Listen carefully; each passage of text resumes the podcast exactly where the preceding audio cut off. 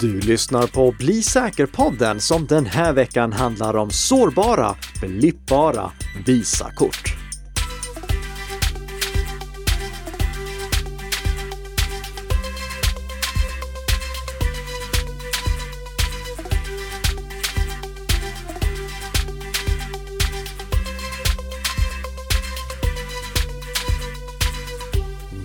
God morgon, god morgon och välkommen till Bli säker-podden som produceras i samarbete mellan Nika Systems och Bredband2. Mm, det stämmer. Jag trodde du skulle köra inledningen av en eh, lite ramsa. Ja, du, du tänkte så som jag sa under vårt förberedelsemöte, sårbara, blippbara Visakort. Ja, jag tyckte det, låt, det låter trevligt. Ja, men det funkar inte med bakgrundsmusiken som spelas under introt. Ja, det, det är faktiskt sant. Ja, så Ja. Det, det var egentligen tänkt speciellt för dig, Tess. Åh, fint. Men nu fick ju också våra fantastiska lyssnare höra eh, hur man kan uttrycka titeln på veckans podcast på ramsvis. Jättebra. Och jättebra. det är väldigt kul att se att våra lyssnare fortfarande blir fler och fler för varje vecka som går. Jag tänker efter 84 avsnitt då borde ändå några ha tröttnat på oss. Ja, det, det, det är ett under, Ja. men fortsätt rekommendera Bli säker på den helt enkelt till vänner och bekanta. Precis. Vi har mycket att gå igenom så låt oss hoppa in på veckans snabbisar. Och den första saken som jag skulle vilja gräva upp det är den gamla Qbot-banktrojanen.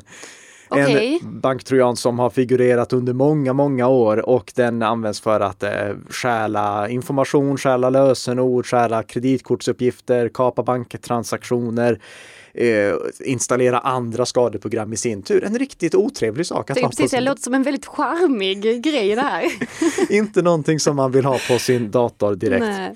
Men anledningen till att jag vill gräva upp den igen, det är att den har nu börjat florera på nytt och den har börjat spridas på ett sätt som jag tycker att är väldigt intressant. Mhm.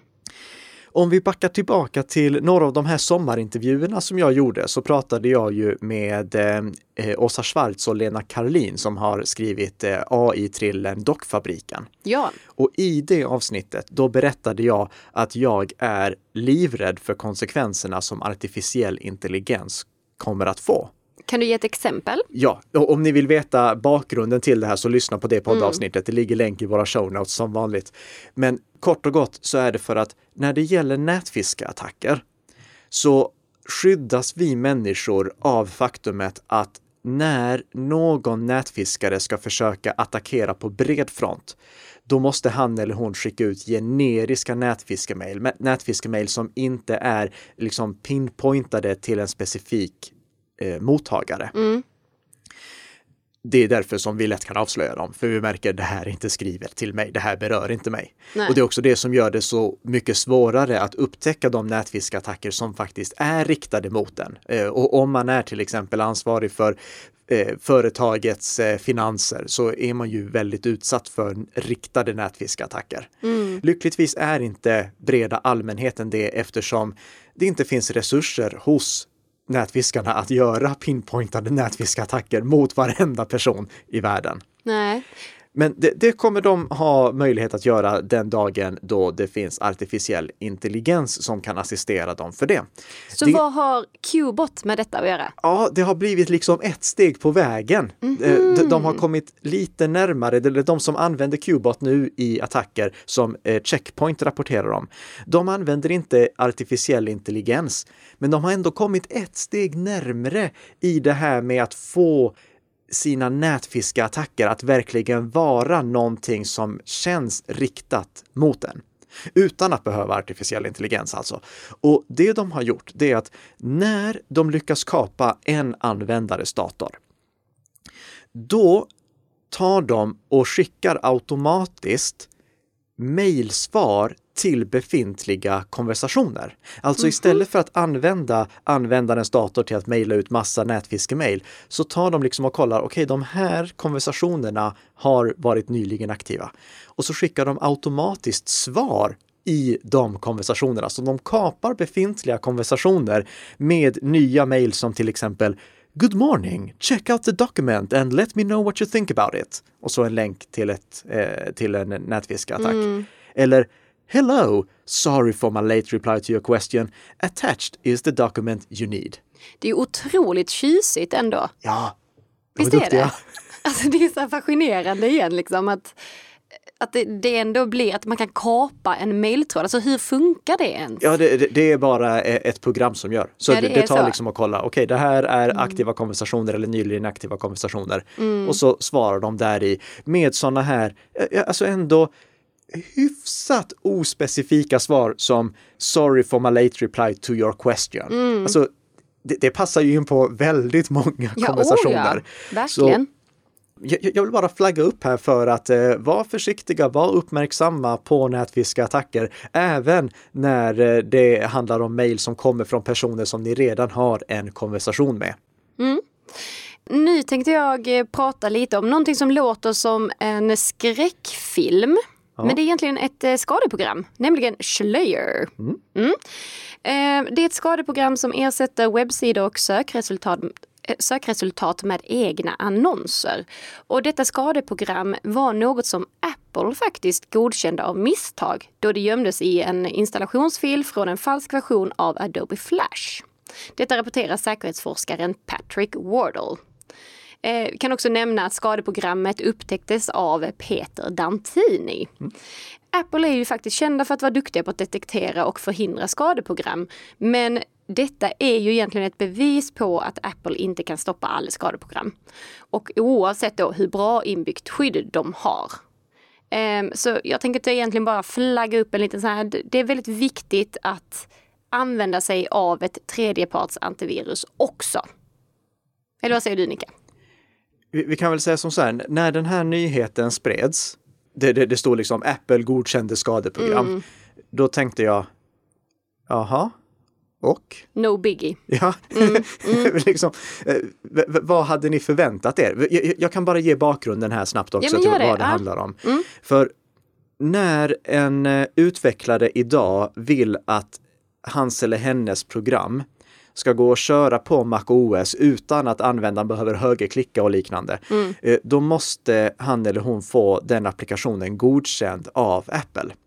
Ja. Det, det finns ett inbyggt skydd i MacOS som eh, heter Gatekeeper och det har blivit strängare och strängare för varje version som har gått av, eh, alltså varje ny version av eh, MacOS som Apple har släppt.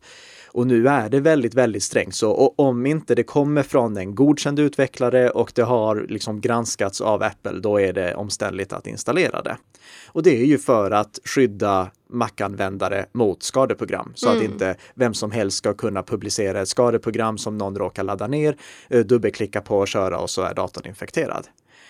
Det som hade hänt i det här fallet, det var att på en webbplats förekom det en falsk annons där det stod du måste ladda ner Adobe Flash för att kunna visa den här sidan. Mm. Alltså, gör aldrig det. Installera inte Flash på era datorer. Eh, inte ens riktiga Flash, men här handlar det inte om riktiga Flash, utan det var bara ett skadeprogram. Det som hände då, det var att den informationen visades. Användaren skulle då luras att ladda ner och köra det här programmet på sin dator så att den blev infekterad. Och det Apple hade gjort, det var att i den här granskningen av programmet, då hade de godkänt det, trots att det var ett skadeprogram. Och det är i sig inte anmärkningsvärt. Det, det, det är anmärkningsvärt att någon tror att Apple kan stoppa alla skadeprogram genom att granska dem inledningsvis. Och jag får säga, det är anmärkningsvärt att Apple ger det intrycket. Alltså om någon har fått den bilden av Apple att de kan stoppa alla skadeprogram så är det anmärkningsvärt. De kan stoppa väldigt mycket. De gör ett fantastiskt bra jobb med Gatekeeper. För vi ser ju knappt några utbrott av skadeprogram på Mac-plattformen. Nej, precis. Så eh, alltså, den är mycket, mycket bättre skyddad så som det är idag jämfört med Windows-plattformen. Och det finns också mycket, mycket fler skadeprogram för Windows eftersom Windows är en mycket större plattform. Men det, det, alltså, det, det vore dumt att tro att Apple kan stoppa allt. Ja, ja, ja. Det, det är samma anledning till att jag förespråkar att vi ska ha eh, ett brett utbud av olika klientskydd för Windows-plattformen. Alla bör inte förlita sig på bara Windows klientskydd eller antivirus. Ingen bör för, för, förlita sig på enbart Apples i klientskydd eller antivirus eller deras inledande granskning. Så jag, jag tycker inte att det här är anmärkningsvärt överhuvudtaget. Det, det enda som det här visar egentligen, det är att för att vi ska uppnå god IT-säkerhet ska vi inte lägga alla ägg i en och samma korg, mm. utan vi ska ha en bred flora med olika typer av klientskydd som hjälper oss att skydda våra datorer. Och kom ihåg, det här är alltså någonting som jag förespråkar när det gäller Windows och MacOS. Jag brukar säga på Windows är det obligatoriskt att du har ett eh, klientskydd. På MacOS är det rekommenderat att du har det mm. utöver det inbyggda X-Protect som finns inbyggt och du inte ens kan stänga av. Men eh, det har vi pratat om tidigare också, så det var bara lite repetition av eh, ja. min syn på antivirus slash klientskydd. Mycket bra, mm. mycket bra. Så vad har vi här eh, härnäst? DOH är på tapeten igen. Ja, ja. och det är just bara att det är på tapeten igen som gör mm. att jag vill lyfta det. För vi har ju pratat väldigt mycket i den här podden om DOH, alltså DNS over HTTPS. När vi eh, surfar till någon webbplats idag, då går ju DNS-förfrågningarna över en okrypterad anslutning. Om du vill veta mer om det här så lyssna på avsnittet som vi gjorde om DOH. Det ligger länk till det i våra show notes. Men i korta drag innebär det att om någon sitter på samma publika wifi-nät som du, då kan han eller hon se alla webbplatser som du besöker jag brukar göra en häftig grej av det här på mina föreläsningar där jag ställer mig med ryggen mot projektorn och så låter jag någon gå in på valfri webbsida och så står jag bara med min attackdator och liksom kollar på trafiken och så berättar jag högt vilken webbplats det är som är i bakgrunden. Bara av att eh, kunna ah, se. Liksom, ja. Uh. men, men hur, hur som helst, nu så har Google ju släppt Chrome 85 och de meddelar att de kommer nu successivt rulla ut eh, stöd för DOH, så det kommer att aktiveras om man använder DNS-servrar som har DOH-stöd, alltså på det sättet som jag rekommenderar att det ska implementeras. Mm. Så om användare vill skyddas med DOH, då väljer de DNS-servrar som stöder DOH och då får de det skyddet per automatik. Och nu ser vi att det här är en teknik som slår igenom. Det, det kommer till Android. Eh, eh, Apple släpper det i de nya versionerna av MacOS och iOS som kommer i höst. De som kör den tidigaste betan av Windows, alltså den, den som ligger längst fram, mm. Eh, de kan nu aktivera DOH också. Så alla jättar hoppar på det här tåget och jag är så tacksam för att det här är det sista det här är den sista uppenbara informationsläckan som vanliga personer lever med. Så Mm. Två Glädjande att, nyheter. Ja. ja. Men igen, det, det, här löser inte alla problem med DNS. Till exempel, vi har fortfarande problemet med att inte alla domäner är signerade med DNSSEC. Mm. Och det är värt ett helt eget avsnitt. Vi kommer till det. Vi kommer prata om DNSSEC också och varför det är så viktigt. Så håll ut ni som längtar efter att få höra det avsnittet. Och varför vår svenska Ann-Marie Eklund Lövinder har en så signifikant roll i skyddandet av domäner. En liten teaser där. Ja, verkligen. Mm. Vi måste ju ja. ha det där avsnittet snart känner mm. jag. Ja. Eh, nog om det. Nu är det dags att köra sårbara blippbara Visakort. Sårbara blippbara Visakort. Oh, oh, yeah! Oh, oh. Ja. Eh, kör! Nicka. Mm. Okej, okay. jag måste ranta lite först här. Okej, okay. Och det är för att sättet som vi har kreditkort idag är vansinnigt. Alltså om någon hade kommit på den här idén nu i år, mm. då hade folk skrattat åt den. Alltså, lyssna på det här. Jag tycker att vi ska ha ett system där vi har liksom en hemlig siffra som vi använder när vi vill kunna handla saker. Och den hemliga siffran, den trycker vi på ett plastkort så att den står synligt på ovansidan. Och så ska vi också ha en liten antenn som beamar ut det här numret ifall någon ber om det. Eh, låter inte så bra, nej. Nej, eh, nej. Alltså, så den här idén, den är inte bra med dagens mått mätt. Men anledningen till att vi ändå använder kort på det här sättet, det är ju att det stammar från alltså, långt, långt tillbaka i tiden. Visa, eh, det grundades som Bank Americard 1958 och så blev det Visa 1976. Ja, det är ju länge sedan. Mastercard, deras största konkurrent, det lanserades som Interbank 1966 och sen bytte det namn några gånger och så blev det Mastercard 1979. Mm. Så det här är gammal, gammal teknik. Men vi kan inte byta den till någon helt annan teknik eftersom det idag finns över 9 miljarder kort som använder den ja, här det, det bytet gör man ju inte på en, på en dag. Nej, eh, den här siffran kommer från en rapport som eh, heter The EMV Standard Break Fix Verify som jag kommer återkomma till alldeles strax. Mm. om vi tänker på den här lösningen som vi ändå dras med idag, så har den gjorts lite säkrare och lite mer flexibel för varje decennium som gått. Och det absolut senaste, det är ju att vi kan blippa våra kort. Mm. Kan du blippa ditt kort? Det kan jag. Alltså bara hålla det in till betalterminalen mm. och ta betalt därigenom. Och det är för att de korten är utrustade med det som heter NFC eller närfältskommunikation. Och jag skulle vilja läsa högt lite av det som Visa skriver på sin egen webbplats om den här typen av eh, kort. Ja. De skriver så här. Visas kontaktlösa kort använder samma teknologi som alla andra Visakort med chip och pinkod och har en gräns på 200 kronor per transaktion utan pinkod. Kom ihåg det. Mm. Som extra säkerhet ombeds du emellanåt och om beloppet överstiger 200 kronor knappa in din pinkod även om du betalar kontaktlöst. Ja. Kom ihåg det också. Yep. Alla kontaktlösa Visakort innehåller ett mycket säkert chip. Detta chip utför en rad funktioner som bevarar kortets säkerhet och chippet kan kommunicera säkert med en betalningsterminal. För att en transaktion ska kunna genomföras ska det kontaktlösa Visakortet kommunicera med en kontaktlös betalningsterminal. Kortet använder privata eller hemliga nycklar för att generera en elektronisk engångssignatur och ett kryptogram. Det gör kortet lika säkert som en normal transaktion med chip där du även knappar in din PIN-kod. Och det kommer vi strax se att det inte är sant. Mm. Säkerhetsmekanismerna gör att det inte går att snappa upp personlig information från kortet. Och det stämmer inte överhuvudtaget. Okej, nej nu får du förklara lite mer här varför. Ja. Vi kommer nu prata om två olika attacker. Och den första attacken var den som började diskuteras i samband med att eh, de här blippbara korten släpptes. Mm.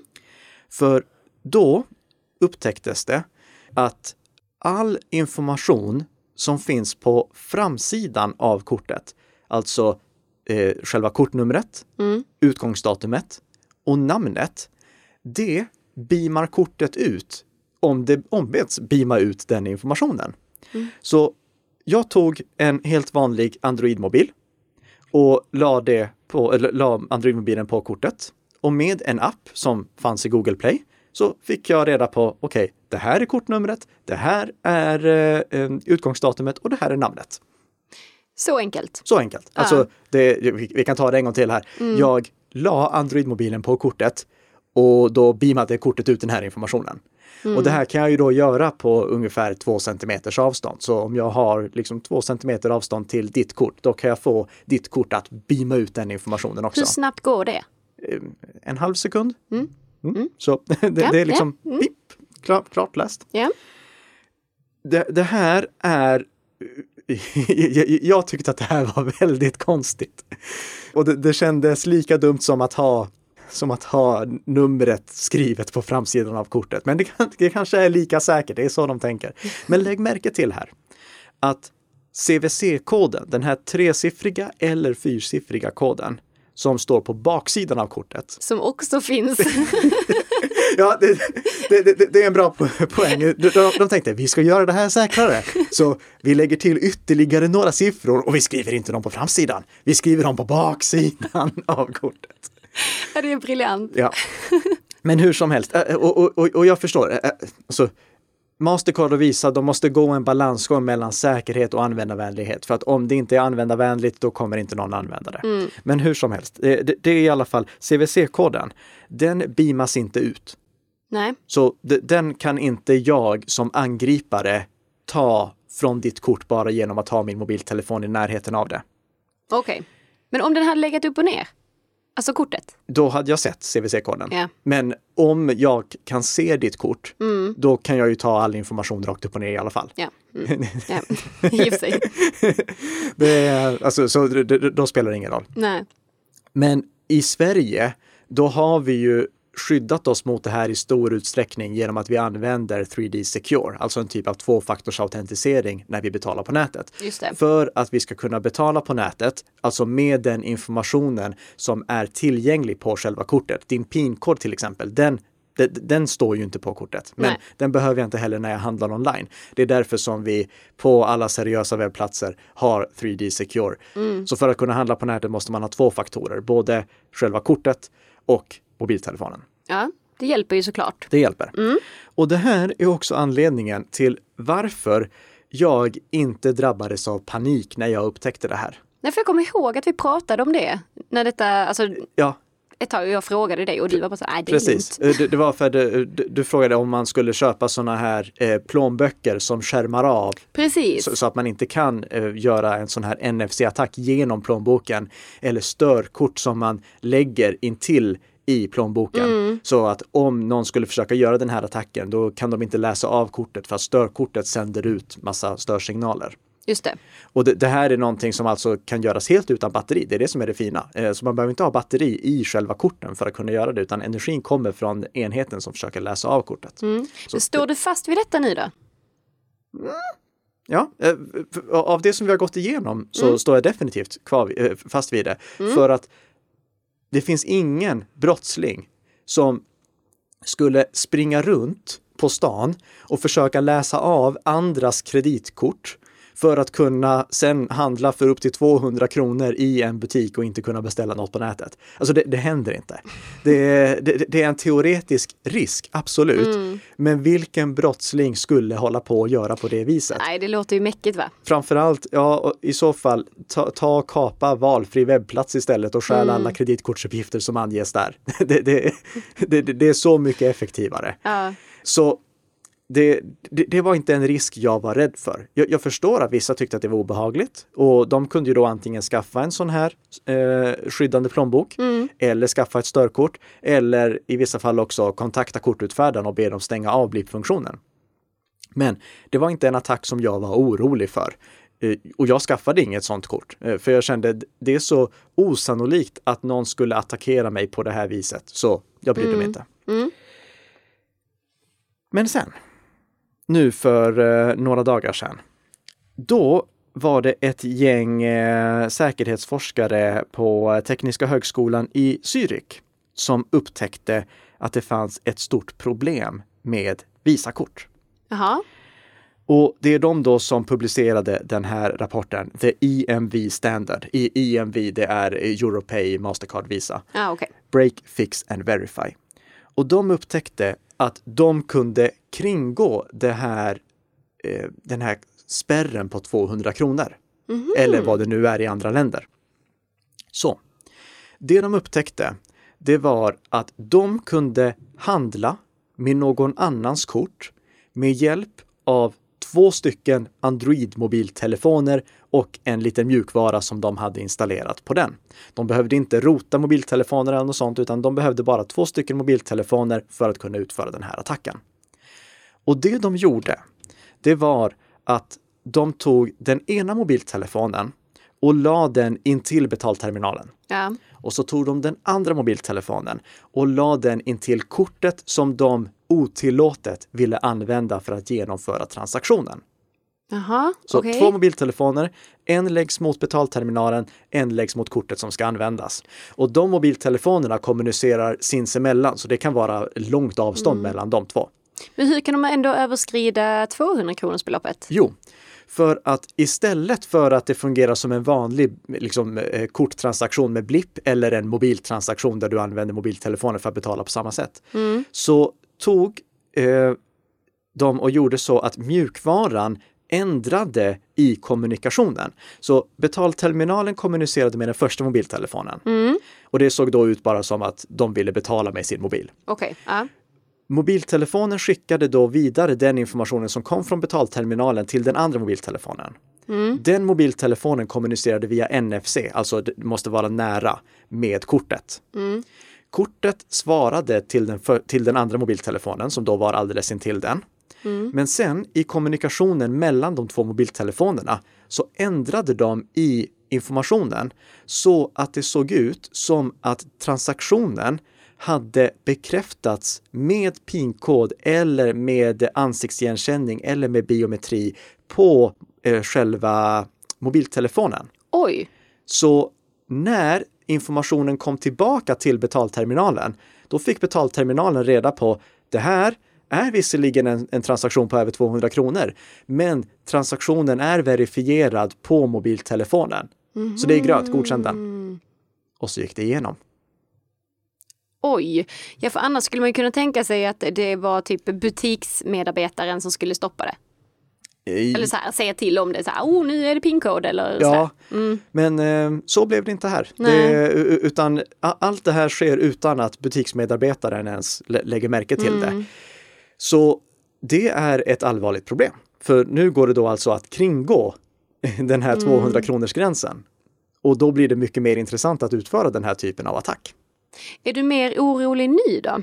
Ja, men mm. jag är inte orolig. Nej, okej. Okay. Förklara. okej, okay, men jag ska säga som så här. Det här förutsätter ju att angriparna har tillgång till ditt kort eller kan vara i dess omedelbara närhet. För att de ska kunna utföra den här attacken, då måste de ha en mobiltelefon som de kan sätta i ditt korts omedelbara närhet. Jag såg att det på vissa sidor stod att de kunde göra det här genom att klona kortet från första början. Det, det går inte att skanna kortet och sen utföra den här attacken i efterhand. Okay. Så det, det, det, stämmer inte, utan de, de, måste ha åtkomst till ditt kort. De måste vara nära det. Mm. Och det innebär ju i så fall att om de ska kunna göra det här mot mig, då måste de ha två mobiltelefoner först och främst. Den ena mobiltelefonen går de och ska betala med mm. och den andra tar de och tafsar mig på rumpan med. För, för att du har den i bakfickan? jag, jag, har alltid min, eh, min plånbok i bakfickan. Och ja, det skulle kunna hända, mm. men det är väldigt låg sannolikhet att jag utsätts för den attacken. Men med det sagt så är det här någonting som kanske andra är oroliga för. Alltså mm. om det är så att du ofta lägger ifrån dig din plånbok eller har plånboken i en väska där någon skulle kunna utföra någon sån här attack mot dig. Eller om du känner att du ligger i den omedelbara riskzonen av någon anledning. Så även om jag har, eh, låt säga mitt kort i en plånbok i min väska. Ja så räcker det att de lägger den liksom i närheten av väskan? Eh, det går att göra med en mobiltelefon genom väskan också om de liksom kan trycka till ordentligt. Mm. Eh, om de skulle ha tillgång till lite högre effektutrustning, då skulle de kunna göra det utan att behöva liksom hålla på och pressa mot väskan. Men mm. i så mm. fall, då ska de gå runt med någon specialutrustning. Då går det inte att göra det här lika, lika, smidigt. lika smidigt som med eh, med, med en mobiltelefon. Nej, det är klart. Så alltså ja, det här gör risken större. Mm. Risken för attack är större för incitamentet för angriparna blir större. Mm. Det är fortfarande ingenting som jag är genuint orolig för. Det är jättebra att de här säkerhetsforskarna har uppmärksammat visa om det här problemet och visa får nu försöka lösa det. Mm.